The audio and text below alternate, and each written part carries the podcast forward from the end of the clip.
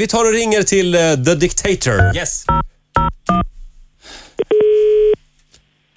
Jahnoon, uh, Hejdu Sweden and death to the West. Hello, Mr. Dictator. We are very pleased to have you on the show. Firstly, my name is not Mr. Dictator, it is Admiral General Aladeen. Most triumphant general, uh, possessor of a second brain in my spine like a dinosaur, the fucker of over 2,000 women. Oh, uh, that's 2000. Oh, we are the most uh, popular morning show in, in Swedish radio, Rix Morning Zoo. Uh, do you have any thoughts on how we can conquer the world, Mr. Dictator? I do not think you Swedish people could conquer anything. Oh. The most dangerous thing you've ever made is a Volvo. There's a gay guy on the radio show. Uh, will that be a problem if we come to your country? We, we also have a 40 year old female virgin. 40? Yeah. Does she have a beard bigger than mine? Why is she so unfuckable?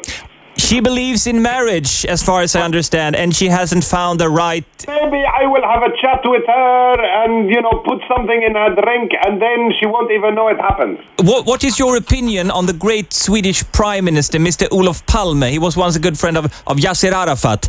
Of course, my father knew this man. Uh, one time at the United Nations, they were in the men's bathroom together. Olaf Palmer, he uh, did was making uh, the urine from his bilbul, and he a little bit fell on my father's shoe, No.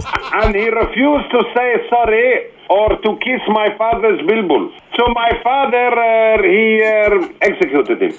Uh, Marilyn Monroe, you know, she also refused to sleep with my father one time, and then he got rid of her. The same with John Lennon. He, my father asked him to perform at the palace. He refused. We got rid of him. This is and, a- and Tupac Shakur, you know Tupac Shakur? Yeah, I know, I know. He came to my palace for my birthday a few years ago. He spent 15 minutes of it singing into the microphone, put your hands in the air and wave them like you just don't care.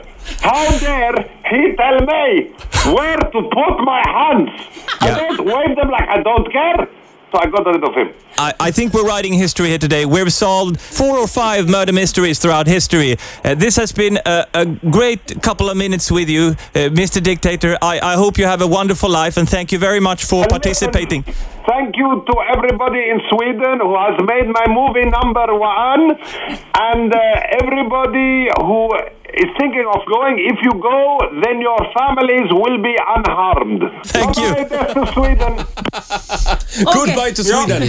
Om man ser filmen, då klarar man sig. Ja, just det. Det var alltså eh, diktatorns far som mördade Olof Palme eftersom Olof Palme hade kissat på, på diktatorns skor. FN-högkvarteret en gång. Ja, Ja. och Och även Marilyn Monroe låg lite pyrt till, eh, liksom John Lennon som ni hörde kanske. Vi hörde också att Olof Palme vägrade kyssa eh, diktatorns pappas organ Ja, så efter var det. incidenten. En billboard tror jag vi kallade det för. Så då skickade han någon till Sverige för att mörda honom.